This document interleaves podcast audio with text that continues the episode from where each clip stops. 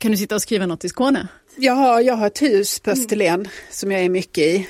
Är det det du kallar din skrivarstuga? Nej, det är i Stockholm. Ja. Ninni Schulman har en lokal som jag sitter och skriver i när jag inte sitter hemma. Så ja, jag växlar lite. Mm. Hon är ju väldigt liksom rutinerad eh, så, så att jag försöker titta över axeln så här och säga just det, så skriver man. Pocketpodden. En podd för dig som älskar pocket. Hej, jag heter Lisa Tallroth och det här är Pocketpodden avsnitt 76. Och har du behövt fundera över vad som är värst någon gång? Att veta eller att inte veta? Dagens gäst, författaren Tina Fränstedt, hon har fastnat för de mord och försvinnanden som polisen aldrig lyckats lösa. De kalla fallen. Och hon är säker på att ovissheten är en särskild plåga. Idag ska vi prata om romanen Cold Case väg 9 och påminnas om en händelse som skakade Tinas och min gemensamma hemstad Lund på 90-talet. Och därefter kärlek och anarki. Det är höstens måste-serie för alla oss som anar det värsta om förlagsvärlden. Och en av den här streamingseriens manusförfattare, Alex Haridi, är också gäst idag. Då börjar vi. Hej Tina! Ja, Välkommen. Hej, tack så Välkommen mycket. till Pocketpodden. Ja, Välkommen tack. tillbaka! Tackar! Förra gången vi sågs så hade vi första delen i din serie Cold Case, Försvunnen hette den. Och den fick du ju dessutom pris för, årets deckardebut vid Crime Time Award. Exakt, på Bokmässan, var jätteroligt. Mm. Och nu ligger tvåan här, Väg 9 och Tess Hjalmarsson chefen för Cold Case-gruppen i Skåne som är tillbaka. Ja. Jag vet, vi pratade mycket om vad det här med vad kalla fall egentligen är förra gången du var här. Så påminn oss lite grann om de här kalla fallen. Vad, är, vilka blir sådana? Nej men det är ju eh, fall som inte är avslutade och eh, där det finns en möjlighet till uppklarning, hoppas polisen på. Man brukar säga att det är ett hundratal i Skåne. Jag såg någonstans 600 Totalt. i landet. Ja, det kan nog stämma att det ligger på det nu. Och eh, jag vet inte, Leif GW brukar säga att ett hundratal av de 600 skulle man lätt kunna eh, titta på och tio av dem skulle man absolut kunna klara upp om man bara tog tag i dem. Det är det jag brukar gå på. Ja, och om det Leif GW säger, ja. då måste det stämma. Och det är väl också så att eh, det blev en ganska stor skillnad när man tog bort preskriptionstiden för mord just mm. Eh, för en tid sedan i svensk lagstiftning. Så de här fallen kan, kan fortfarande öppnas och en åklagare kan eh, åtala någon. Och... Ja, om det är efter då 86 mm. så kan man ta upp dem igen. Och Tess hon leder ju då en sån här cold case-grupp i Skånepolisens och den har väl en verklig för förlaga. Det finns en grupp som jobbar så här. Ja, det finns det. Och eh, de har fått lite fler i personalen där nu. Det är ju ständigt en kamp att försöka få eh, tillräckligt med personer i sin cold case-grupp. Men eh, den har blivit lite större. Den finns i Malmö. Och jag vet inte hur mycket insyn har du? Är det alltså, fria fantasier? Nej, det är fria fantasier. de skulle nog inte hålla med om att de jobbar på det sättet så här. Men de, de tycker jag är väldigt roligt att läsa och så den feedback som jag har fått har varit bra. Och jag har ju jobbat med, eh, jag har ju varit kriminaljournalist och eh, då skrev jag ganska mycket om eh, kalla fall. Så att på det sättet tror jag att jag inte är helt fel ute när jag beskriver deras arbetsmetoder. Och så har jag gjort naturligtvis research när jag bestämde mig för att börja skriva om det, så började jag titta ännu mer på hur de jobbar. För det är liksom speciella metoder, hur du skriver in i Excel-ark och startpermen och hur den ser ut och så.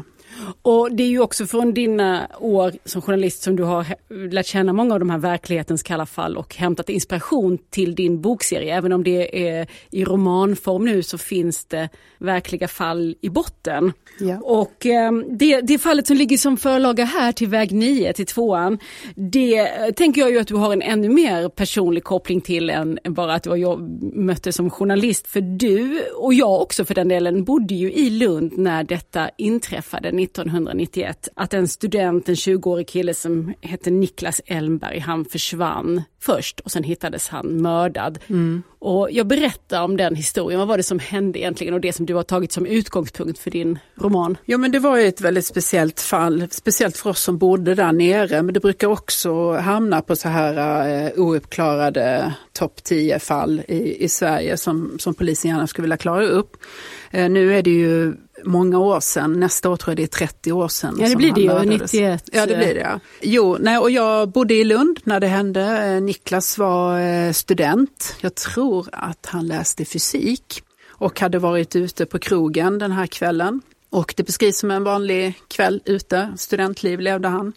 En vecka senare skulle han åka och eh, studera i Kina och skildes från sin vän vid korvkiosken på Barntorget och cyklar mot Bjärred. Och eh, någonstans där, jag tror bara det är inom en halvtimme efter att de har skilts åt, så, så dödas han. Eh, man vet ju inte mycket vad som hände längs med vägen här. Det man vet är att han inte tog den väg han brukar ta när han cyklar hem. Eh, och det har ju förbryllat polisen en del. Kan ha gjort med att eh, den han valde var mer upplyst. Eh, alltså det fanns gatlampor och så. Då undrar man ju också vad var det som gjorde att han kände att han behövde ta en mer upplyst, alltså han har cyklat den här vägen väldigt många gånger. Han ska hem till sina föräldrar i Bjärred. Han ska hem till sina föräldrar i Bjärred där han skulle sova över men kommer ju aldrig hem.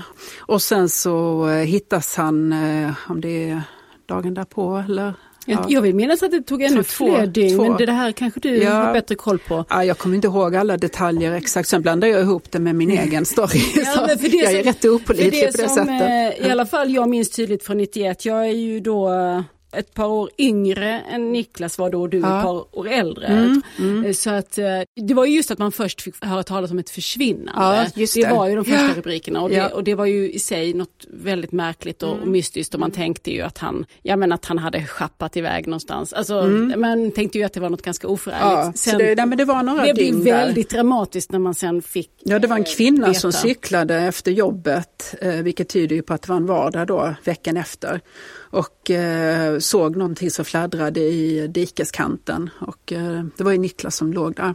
Så hittade man glasögonen på ett annat ställe och eh, ja, nej det var ju fruktansvärt trauma. Det var ju ett väldigt eh, brutalt mord också. Ja, hur var det? Han hade brakt som livet? Alltså det var ju med, med kniv. Men det var ju många andra ingredienser som var eh, väldigt brutala och där polisen också har valt att inte gå ut med alla detaljer. För det är en typisk sån grej som man ska kunna spara till när, eh, om man hittar den riktiga gärningsmannen en dag. Mm. Och minns du då, för du bodde ju också i Lund då, mm. hur minns du den här eh, händelsen då? Alltså 91? då minns man ju mycket tidningarna och rubrikerna och, och jag bodde på andra sidan stationen. Och eh, då fick jag hem en lapp i brevlådan, så här, har du sett någonting eh, Niklas? Det var ju säkert de dygnen när han var försvunnen. Och sen hade vi en gemensam bekant som bodde i närheten utav där jag bodde, som var med honom på kvällen. Fick jag reda på sen, så att det kom ju väldigt nära. Sen tror jag inte, det är möjligt att jag och Niklas har stått i samma bar. Det är ju inte omöjligt, jag tror det var bara ett år mellan oss. Det var ju läskigt, det var liksom man tänkte, det var alltså, eftersom det inte klarades upp så var det också så här, går det någon galning lös? Det gick ju oerhört mycket rykten kring olika typer. Man har ju alltid i en liten stad finns det alltid vissa sådana skummisar som kanske helt obeskyllt, alltså de kanske inte är skummisar men det går ju rykten om dem. Så eh, det är så jag minns det. Mm. Ja och det var ju, man fick ju se de här bilderna på honom och han såg ut som vilken liksom, vanlig god kille som helst. Liksom, en glad, en glad Det fanns ju bilder som... från sista kvällen när han gick på händer. Vilket jag har tagit med i min bok faktiskt. För att jag tyckte det var en sån stark bild utav eh, en festkväll. Och han, eh, ja, det, och den här glada blicken, han ser så levande och ser ut som en trevlig kille. Jag tror han var det faktiskt, väldigt härlig människa. Men så nu då, varför ville du skriva om det här nu eller ta avstamp i den här historien? Ja, men det kändes helt naturligt faktiskt. Ehm, just eftersom jag var så berörd av det fallet och det fanns så många detaljer i det som är så märkliga. Till exempel den här vita leran som man hittade på hans cykel som man aldrig har hittat någon, eh, alltså ursprunget till. Eh, man letat runt, alltså, hela, alltså halva Skånes eh, grustag är väl undersökta. Och, och, så då kände jag att det där är en bra detalj att ha med och då lekte jag med tanken om den skulle dyka upp igen. eh, och det får den göra då i min bok ganska tidigt på en eh, kvinna, en, eh, en konstnär som hittar stöd på Stenshuvud fyr. Precis, och det blir det, att man kan sätta de här två fallen i förbindelse blir också det som gör att man öppnar det här då ja. gamla fallet igen om, i din bok heter han Max. Just det, och, Max Lund. Det krävs ju någonting sånt nytt som ska hända för att man ska kunna, både för, för bokens del men också kanske i verkligheten. Ja. Och du har ju förflyttat historien så det är inte Lund utan det vi är i Ystadtrakten. Mm. Men det rör ju sig mycket kring den här natten för 15 år sedan då och den här cykelfärden. Och ja, verklighetens fall är ju inte löst. Vi vet inte vad som hände Niklas. Men du har ju i din roman skapat ett eget scenario och det får sin egen upplösning så småningom. Men då tänker jag så här, i vilken ände ska man ens börja när man står inför en sån här situation som du ju också vill skriva om. En högst beskedlig, till och med rätt präktig kille som är ute och cyklar och blir brutalt mördad. Vad finns det då för realistiska scenarier? Jag menar, kan en sån person ha den typ av fiender som är kallblodiga mördare? Eller har han haft oturen att komma i vägen för en galning? Och det var det vi tänkte då 91 när vi fick höra talas om det här med Niklas. Men, men när du skulle försöka hitta en story som hängde ihop här, hur, hur, hur tänkte du då? Ja, nej men detta var ju det här svåra, oförklarliga. Det fanns ingenting då, om man säger i min bok, ingen förbindelse alls mellan Max och sen 15 år senare en kvinnlig konstnär på Österlen som hittas med samma lera. Och det är ju det här just oförklarliga som man måste försöka hitta, liksom, ja men vilka kan ha rört sig? Då får man ju börja någonstans kanske i det nya fallet och se så vad finns runt henne då? Vad kan det finnas där? Men det verkar som, jag tänker på hur poliserna resonerar i din bok, det verkar som att, och som jag återkommer i andra polisutredningar också, de pratar mycket om det här, vad är det sannolika som händer? Vad brukar det vara? Var eh, brukar gärningsmannen återfinnas? Och då är det, det nästan är alltid närheten. i närheten, ja. precis. Och är det så, börjar alla utredningar med att man liksom ska kartlägga offrets Ja men närstående? så är det ju. Det är ju oftast liksom någon i närheten. Ofta, man brukar ju säga till exempel den sista som var med, personen som såg den, den blir ju automatiskt misstänkt. Och eh, sen naturligtvis familj, eh, vänner, vad finns det? Därför att ofta det som gör att man mördar det är ju det är, det är rätt få som är liksom vansinnesattacker på stan, att du går och blir mördad på det sättet, utan det är knutet till någonting du har gjort eh, eller känslor som upprört som ofta handlar om pengar, makt, eh, kärlek. Det är nästan alltid det det handlar om, liksom koka ner till. Och då får man ju titta på offret, liksom, hur såg den personens liv ut? Liksom? Fanns det någonting här där de hade gjort sig ovän? Och i Niklas fall hittar man ju ingenting. Man läste hans dagbok från pärm. Han hade ju en sån uppenbarligen, för jag har läst att polisen har gått igenom den. Gick också, eh, man hade ju tankar kring om han kunde vara homosexuell, att det var något sånt här, att, eh, att för det var så grovt så att det var ju vansinnes, eh, alltså lite åt det, vansinnesdåd, hatattack trodde man. Då började man titta på det, det fanns inga sådana tecken på det. Då, nej, då får man liksom gå vidare, man måste ju ha någon sorts teorier då. Liksom. Ja, vi, vi tittar på det här spåret, okej, nej, men får vi lägga det åt sidan. Titta på det här då. Ja, man kan inte börja med att tänka att det måste bara varit en random galning. Jag utan... tror du måste ju tänka brett, mm. det säger ju alltid polisen. Liksom. Jag vill se brett på det här. Mm. ja, nej, det är ju väldigt pusselläggande att vara utredare. Och jag minns du sa förra gången du var här när vi pratade om varför kalla fall blir kalla, att eh, en sak kan ju vara att polisen i första omgången av utredningen helt enkelt gjort ett tankefel. Och det är lite den idén du testar här också. Man har inte tänkt brett, man har siktat in sig någonstans ändå på mm. en viss lösning och, ja, och den kan blir... finnas någon annanstans. Exakt, och då blir ju ofta den personen, det är lite orättvist, eh, den personen kan ju då bli hängande i luften om det inte klaras upp så är ju den personen, till exempel som i min första bok, där som, som Rickard som är huvudmisstänkt i alla år, hänger sig kvar i folks medvetande. Ja men det var nog han som gjorde det. Mm. En stor utmaning för alla cold case-grupper det är ju att det har gått mycket tid. Det mm. ligger liksom i själva uppgiften att man tar hand om, om någonting som gått i långbänk. Nu sa vi det att verklighetens fall här, eh, Niklas, det var ju nästan 30 år sedan. Mm. I din bok låter du det bara ha gått 15 år mellan att den här folkhögskolestudenten då Max hittas mördad och att fallet tas upp på nytt. Och, vad tänkte du där? att du... Ja, men jag tror det är väldigt svårt med de här jättegamla fallen. Tyvärr är det ju så att i många gamla fall så dör många vittnen, anhöriga och minnet grumlas. och det är ju det man har att jobba emot som cold case-utredare. Så att eh, jag lägger dem lite tidigare för att inte alla ska ha liksom glömt för mycket helt enkelt. Eller, eh, och också att de anhöriga ska finnas kvar och att det ska kännas lite mer levande helt enkelt. Inte för kallt. Nej, jag tycker 15 år är mycket också. Man jo, försöker fundera på vad gjorde jag för 15 år sedan. Men, men, det är ändå lite mer hanterbart mm. än 30 år. Tess då, spanaren här och hennes kollega Marie, de köper ju inte riktigt det här att man inte minns, för det är ju flera av vittnena i historien som försöker gömma sig lite bakom det att ah, men det var så länge sedan jag kan inte minnas. Mm, men, det är men, bra sätt. men, men äh, särskilt Marie här, äh, poliskollegan, hon blir väldigt provocerad av ja. att folk ska snacka om minnesluckor för hon menar att det funkar inte så. Nej, men jag tror just det här att starka upplevelser etsar sig kvar. Det här har ju varit världens diskussion kring minnespsykologin. Men eh, det, det, är ju ganska logiskt att man minns. Vi minns ju, du kommer säkert ihåg när du hörde att Palme hade eh, blivit skjuten. Och eh, så den typen av händelser tror jag faktiskt att man minns. Och om det är ens bästa kompis eller en i ens gäng som har blivit mördad, nog fasiken kommer man ihåg vad man gjorde den natten. Så det är väl det hon blir så upprörd på, man, man försöker gömma sig bakom det. För det är ju lätt att göra, liksom säga att nej men det är ju så länge sedan jag kommer inte ihåg så här. Men om man är helt oskyldig så, så är det ju fine att man inte minns. Då har man ingenting att minnas ju.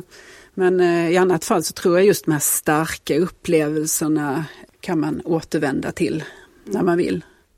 Men en utmaning för alltså polisen här, de kan ju i och för sig försöka få fram ett eh, svar på vem som är mördaren, men om det ska hålla i en rättegång mm.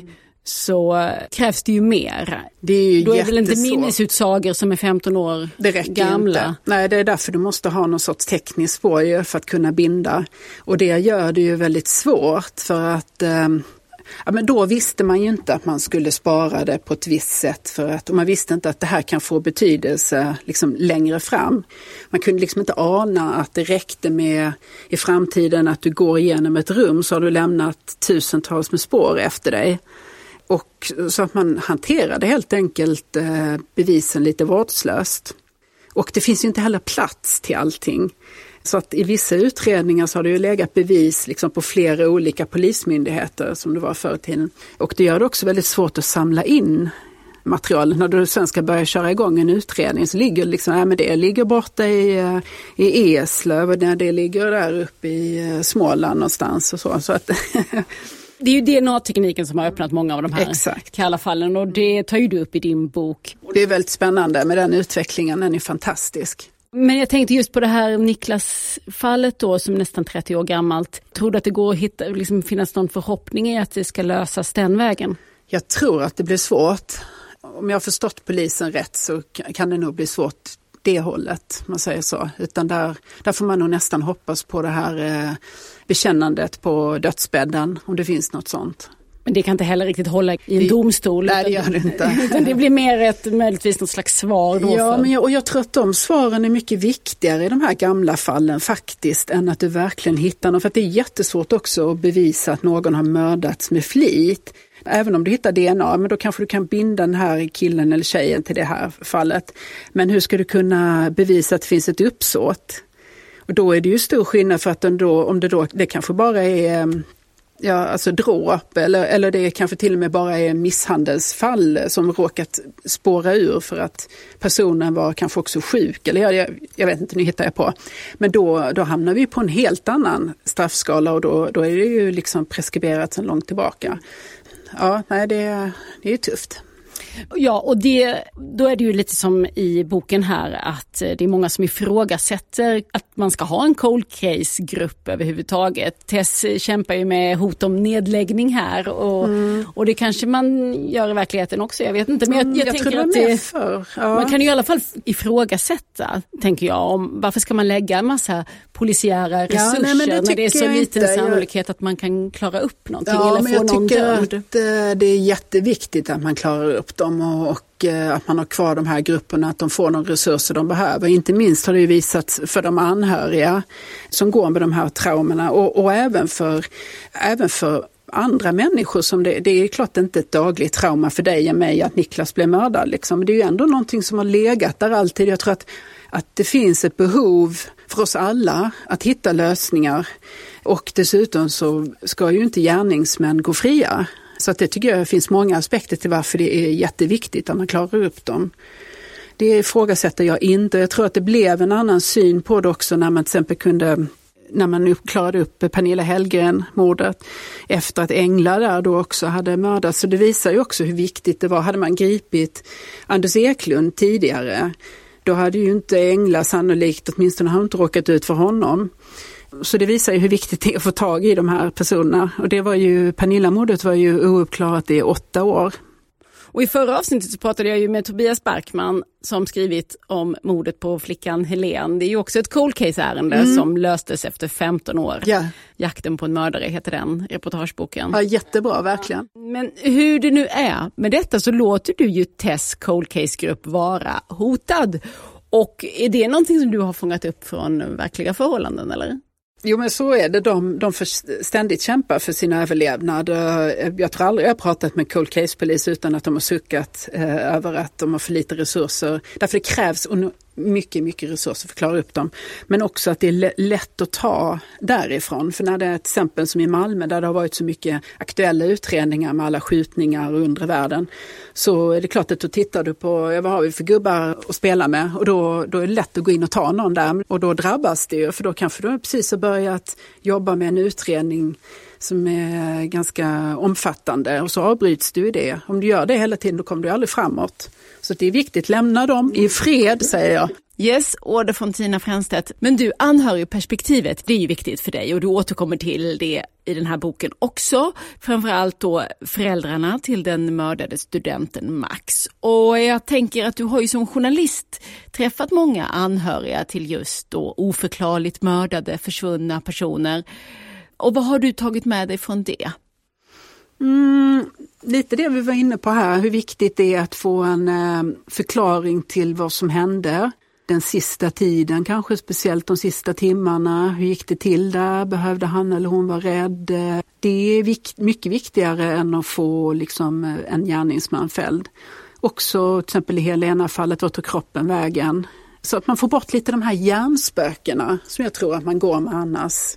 Dina föräldrar här till eh, din fiktiva student eh, som blir mördad, de vill ju inte begrava honom eller jordsätta urnan förrän fallet är uppklarat. Så det har ju stått där hemma hos dem i många, många år. Ja, så får man inte göra riktigt. Nej, det får, så får man inte göra. Det finns ju lagar och regler för detta. Men är det det du är inne på nu när du säger att det är viktigt att det här handlar om att kunna på något sätt gå vidare i en sorgprocess? Alltså är det någonting som förändras för de anhöriga av att få veta? Jo, Även om man inte får en jag- dom eller? Ja, men jag tror just vetskapen är det som gör att då kan vi gå vidare och sen så får det hända vad som händer med den här gärningsmannen. Så är de flesta jag har sett resonera på det sättet att liksom, ja, honom vill vi inte höras talas om ens mer liksom. Man kanske går på rättegången för att verkligen se personen så här, men annars så, eh, nej, just vetskapen är det viktigaste få ett avslut. Det är ju många saker i livet som man har behov av att få liksom avslut. Jag tror inte det är bra att ha de här små öppningarna hela tiden. Då liksom skapar en sorts frustration. Och hur har du funderat när du skriver nu om eh, ändå koppling till verkliga fall kring hur anhöriga kan påverkas? Jag vet att det är något som du har funderat på. De riktiga, eh, alltså som Niklas anhöriga så. Jo men det är klart och speciellt eh, om man säger, för jag, jag hade ju kontakt både med hans syskon då och eh, med Helenas syskon eh, innan böckerna gavs ut. Ja, exakt.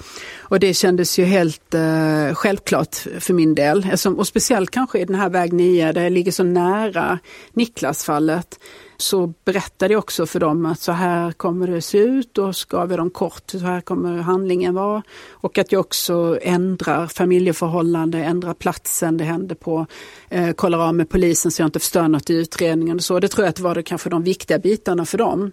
Och gav dem möjligheten att återkomma och eh, det gjorde de. Och Nu var jag lite nervös där innan de återkom faktiskt. För att, eh, ja, vad skulle man säga om de säger nej vi vill inte och då kanske jag skulle ha ändrat ännu mer. Kanske speciellt om de ville att jag skulle ändra något hade jag gjort det. Samtidigt så har man ju också en frihet att berätta om ett fall. Det görs ju i tidningarna hela tiden. Det är nästan, om man tycker det är jobbigt så är det, måste det vara värre nästan med den ständiga rapporteringen på årsdagar och allt det där. Men sen tror jag att tiden går 30 år. Det blir ju nästan som att man har levt ett helt liv därefter. Man säger så, så även om man inte glömmer sina anhöriga så är det klart att man får lite distans till händelsen. Och kanske att man kan eh, tycka att ja, det är inte så dumt, det kommer fram vissa grejer eller att det tas upp igen och hålls liv i det och vem vet, kanske någon ringer in med det avgörande tipset till polisen. Vi måste prata om Tess också, din hjältinna som vi följer genom de här böckerna och hennes kollega Marie. De utgör ju en eh, rätt rolig duo. Hon är en frispråkig figur, Marie. Och för den då som kanske inte har läst första delen, vad är Tess för slags polis och karaktär? Hon är väldigt framgångsrik på sitt jobb. Hon känner mycket för de anhöriga. Hon känner att det är de och de döda eh, som hon jobbar för. Som i, i, min bok nummer tre här nu så får hon, hon är med i tv och där får hon en fråga just kring det och, och eh, där säger hon att det är inte varken polismästaren eller mina chefer som är min uppdragsgivare utan det är de döda. Och hon ser dem väldigt tydligt de blir levande genom henne och lever vidare genom henne på något sätt i utredningen.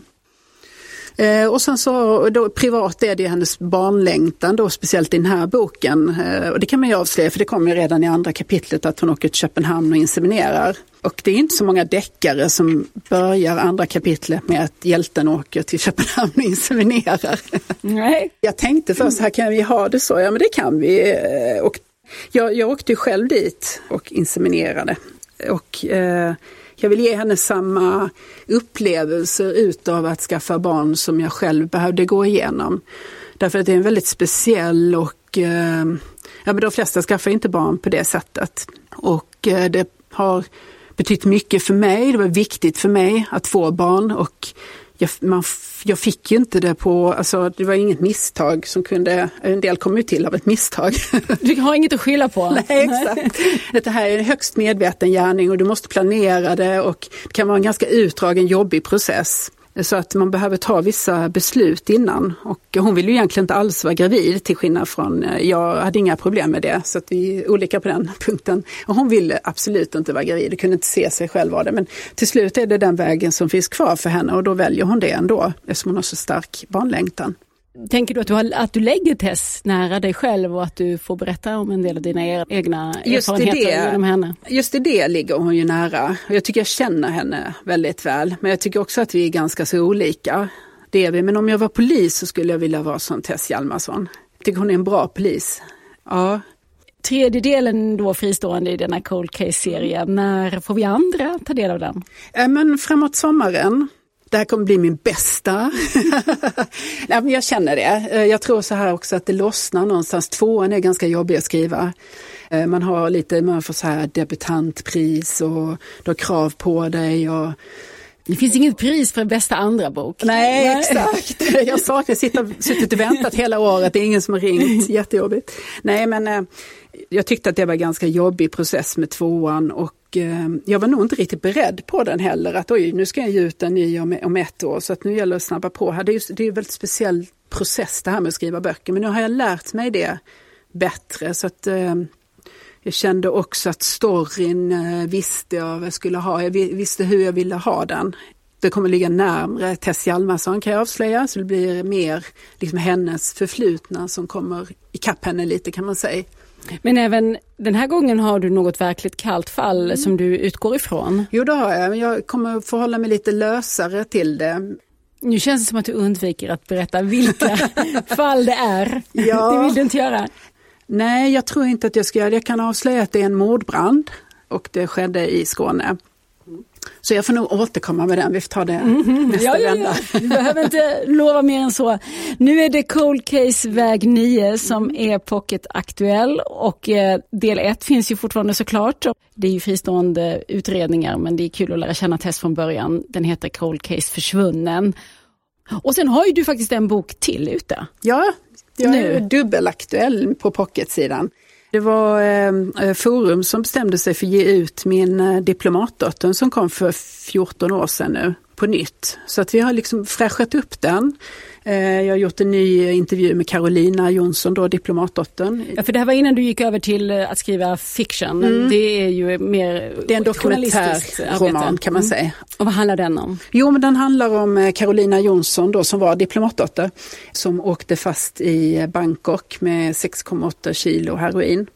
Det var 1994 det hände. Mycket stort på alla löpsedlar. Och eh, jag försökte som reporter få kontakt med henne under några gånger, men hon ville aldrig prata ut om det hon har varit med om. Hon satt fyra och ett halvt år nästan i Thailand i fängelse och sen förflyttades hon till Sverige och hennes fall var väldigt eh, omtalat just för att hon blev sittande så länge i svenskt fängelse som någon sorts... Eh, I, I Thailands fängelse? Nej, i svenska fängelset. Ja, alltså så här, det, I Thailand räknas förhållanden vara så omänskliga så till exempel amerikanska fångar som satt med Carolina, de satt där i fyra, fem år. Sen fördes de över till USA och då släpptes de direkt. För att man räknade att varje år i ett thailändskt fängelse var värt ungefär fem i ett amerikanskt. Så då hade man redan suttit av sina 20 år. Motsvarande. Exakt, för att det var så, alltså du får ju rätt mycket fysiska skador och så utav att sitta där i omständigheter som vi knappt kan tänka oss. Och den här historien har du skrivit om då tidigare, så nu när ni ger ut boken på nytt, vad är det ja. som har tillkommit då? Ja, men nu har vi rensat lite i den, dels i upplägget och så, och sen så har jag gjort en ny intervju med henne då i slutet. Och hur var det att möta henne igen nu? Ja, vi har haft, haft kontakt under de här åren, så att det var ingen, liksom, det är ingen stor grej, utan vi, vi hörs då och då. Hon är väl kanske den minst typiska vi har haft i svenska fängelser faktiskt. Och eh, har du suttit på sånt långt straff så räknas du, tillhör du automatiskt de, bland de farligaste människorna i Sverige. Så då har du också svårast att få jobb. Så att Carolina skulle ju aldrig kunna, trots att hon har läst in eh, juridikutbildningen, så skulle hon inte få jobb på Pressbyrån. det är ju lite märkligt.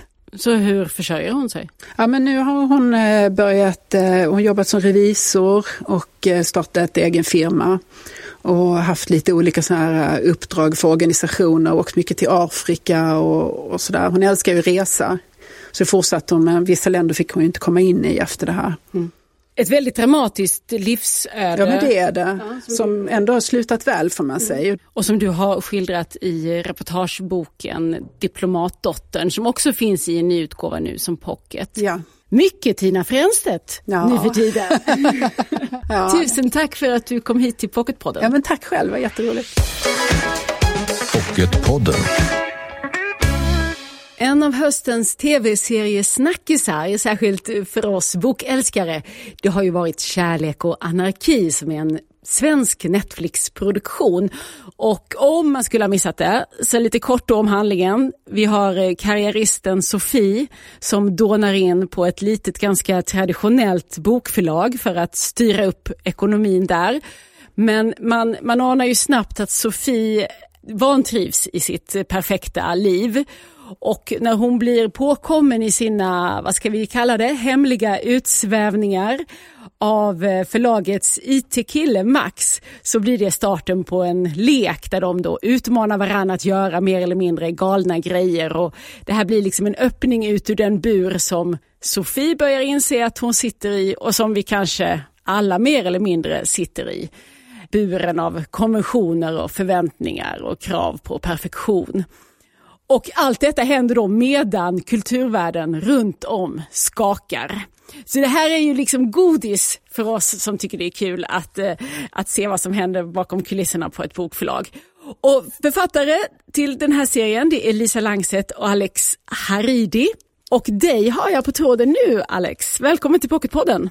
Tackar, tackar. Berätta om tillkomsten av den här serien. Varför ville ni skriva om ett bokförlag? Det jag tror att det började från början, eh, Lisa har ju skapat serien. För henne tror jag att det började med att hon framförallt ville skildra kanske just den här kvinnan som vad ska man säga, hon eh, eh, har väldigt eh, mycket tankar om hur hon borde vara och, och ytan i hennes liv. Och sen så krockar det med hennes, hennes så att säga, inre liv som bubblar upp och, och vill ut. Och då så kände vi kanske alla att, att eh, liksom, kulturvärlden var en spännande fond att ha för den berättelsen. Ja, men just de här tankarna som upptar henne väldigt mycket om Alltså liksom just det här nyttoperspektivet på livet. Att liksom vad, vad, vad är mätbart? Kan man mäta lycka? Det, det, passar väldigt bra att lägga mot just en, en fond av kultur. Som ju liksom då försöker överleva i en allt mer kommersiell värld. Ja, för det är ju en av konflikterna i serien, spänningen mellan de kommersiella förväntningarna och de konstnärliga ambitionerna kan man väl säga. Mm, absolut, det är ju så här, vad är värdet av, av någonting? Och så berätta lite om det här förlaget då, som ni har uppfunnit. Eh, Lund och Lagerstedt är ett gammalt eh, anrikt förlag och eh, har väl ett, ett visst sorts kulturellt kapital med sig. De har varit mest inriktade på så att säga kvalitativ litterär produktion. Och det blir svårare och svårare för dem att överleva Eh, helt enkelt. Och då i början av serien så har de tagit in Sofie som är från affärsvärlden, hon är konsult. Eh, för att hon då ska digitalisera deras verksamhet och eh, föra in dem i någon sorts modern företagskultur. Och det är där som då spänningarna uppstår. Mm. Och du Alex, du är en väletablerad manusförfattare vid det här laget. Du har haft din penna med i många svenska film och tv-produktioner. Blå ögon, Äkta människor och Störst av allt, till exempel. Men jag undrar, när det kommer då till att skriva tv-serier som du gjort mycket, vad är det du siktar mot? När tycker du att det blir bra? Oh, gud, det där var en jättesvår fråga. Men jag tror att det handlar om det som drog mig till den här serien första gången som Lisa ringde och frågade om jag ville vara en, en, del av det.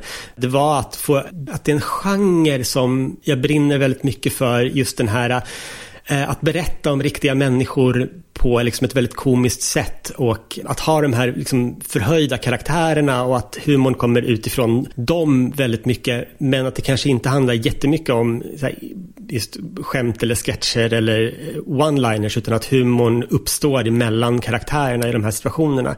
Sen är det också väldigt roligt att jobba med Netflix för att man får vara smal på ett sätt som man kanske inte får vara i, i andra när man jobbar med liksom inhemska kanaler. Just för att drama är en ganska dyr verksamhet och, det, och ju mer pengar som någonting man sätter in i någonting desto mer liksom folk behöver man nå och då finns det ofta en, en känsla av att man liksom slipar av kanterna på allting. Men Netflix ser ju inte på sin målgrupp och sin marknad på samma sätt utan för att de ser det ju utifrån eh, liksom ett, hela, ett perspektiv av hela världen. Och då kan man vara så pass smal att säga att så här, men vi, vill, vi vill rikta in oss till eh, ja, en eh, 35-årig till 45-årig kvinna som bor i en storstad.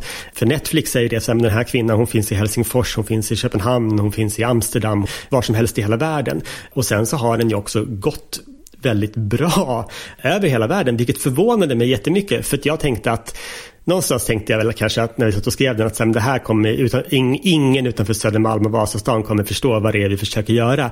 Och sen så har den liksom dels gått jättebra i världen men dels gått jättebra i hela Sverige.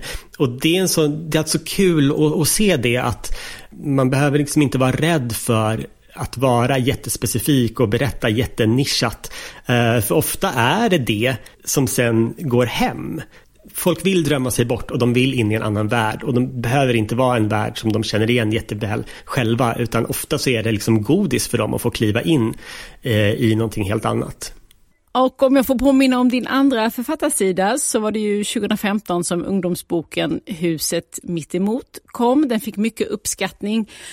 Så hur går det på den fronten? Hinner du skriva något annat mellan film och tv-projekten? Jo, men jag har, jag hoppar mellan många olika saker och eh, jag har absolut ett, eh, ett, eh, ett bokprojekt som jag skriver på som ska se dagens ljus någon gång.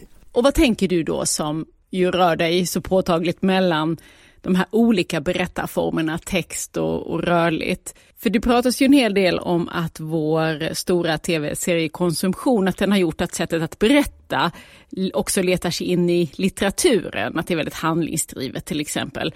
Kanske för att man tänker att det är så man ska konkurrera med serierna. Vad tänker du om det här? Jag kan absolut se hur den dramaturgin mer och mer påverkar böcker. Personligen är inte jag helt säker på att det är eh, något positivt. Jag kan tycka att olika konstformer ska göra det de är bra på. Jag tror att boken har fantastiska styrkor och det är liksom det litterära berättandet har fördelar som tv inte har. Eh, och jag skulle tycka att det var väldigt synd om man inte värnar det som är fantastiskt med boken. Som ju liksom är den direkta rösten, att man pratar rakt till mottagaren, att det inte är de här filtrerna med tolkningen, att man gör tolkningen själv. Eh, inre monolog som är jättesvårt att klara av i, i någon form av liksom dramatiserad eh, form. Eh, men som boken kan göra fantastiskt. Om man inte värnar om de sakerna så, så, tror jag att boken lite kommer att avskaffa sig själv. Och om jag ska säga någonting mer om mitt, mitt nya eh, bokprojekt utan att avslöja för mycket så så är det en av eh, ambitionerna som jag hade när jag startade det var just det att verkligen försöka utnyttja bokens styrkor, dra det till sin spets. Till exempel så utnyttjar jag mig av en opolitlig berättare, vilket ju är någonting också som är väldigt svårt att jobba med inom fiktion, för där ser vi ju allting. Men eh, då i en bok så kan man ju ha en berättare som så att säga ljuger för läsaren. Och alla de här sakerna som då är jättesvåra att göra inom film och tv, men som är fantastiska med, med böcker. Och då måste det, tänker jag, apropå det, ha varit en spännande utmaning att skriva tv-manus till romanen Störst av allt. Malin Persson Giolitos roman. Den består ju till största delen av inre monolog. Ja, men det är faktiskt intressant att du, du tar upp det, för jag minns när vi började jobba med den, så var det liksom det som alla sa till oss, vi var då en redaktion, eh, Camilla Ahlgren var huvudförfattare och sen var det jag som skrev avsnitt tillsammans med Veronica Sacco. Och alla sa ju till oss just det där att, men oj, hur ska ni få Majas röst? Hur ska ni få Majas röst? Liksom det här. Och där bestämde vi ju nästan från, från dag ett att så här, vi tänker inte ens försöka. För det kommer bli jättejättedåligt. Det, liksom, och där fanns det önskemål kanalen och produktionsbolaget att så här, men kan ni inte ha en voiceover och kan man inte få höra henne prata och höra hennes tankar och, och, och där bestämde vi bara så att liksom blankt nej att så här, det här, nu gör vi en tv-serie av det här och det kommer vara någonting helt, helt annat än boken. Och boken är jätte, jättebra. Annars skulle det inte finnas ett behov av, och liksom, eller en önskan att, att den skulle göras. Men vill man ha det, vill man ha Majas fantastiska liksom, inre monologer, då får man gå till boken och läsa det. För nu gör vi någonting annat och jag tror att den blev så bra just för att vi inte försökte härma boken. Utan den blir som ett komplement, det blir ett annat sätt att se på historien. Det om störst av allt, det är också en serie som finns på Netflix, men nu gled vi iväg här för det var ju kärlek och anarki vi skulle prata om. Och eh, du, jag är ju i och för sig ett stort fan av avslutade serier, att en historia får en tydlig punkt. Men här vet jag att världen tycker annorlunda och vill ha många säsonger. Och hur blir det då med kärlek och anarki? Kom det något mer? När vi skrev den första säsongen så tänkte vi oss den som avslutad. Så det är ju en, en färdig historia så att säga. Sen så det finns ju, det, det börjar ju absolut ploppa upp eh, att folk vill eh, se mer med de här karaktärerna, vilket är väldigt roligt. Men det är ingenting som är bestämt. Vi får se vad som händer. Man kan ju alltid så att säga berätta en till historia med de här karaktärerna. Och det är så man skulle så att säga göra om man valde att gå vidare. Eh, men det är klart det finns, man har tankar om hur man möjligtvis skulle kunna gå vidare. Framförallt så är det liksom det där förlaget är en väldigt rolig plats som eh, det finns många olika situationer man skulle kunna tänka sig inträffa där. Tusen tack Alex Haridi, romanförfattare och manusförfattare och nu då aktuell med dramakomedin Kärlek och anarki på Netflix. Tack så mycket.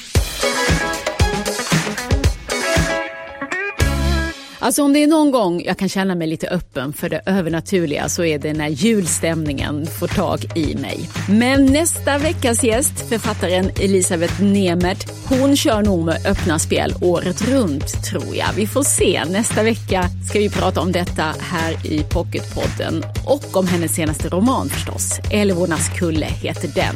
Tills dess vet du hur vi håller kontakt. I sociala medier heter vi Älska Pocket och jag heter Lisa Tallroth. Hej så länge!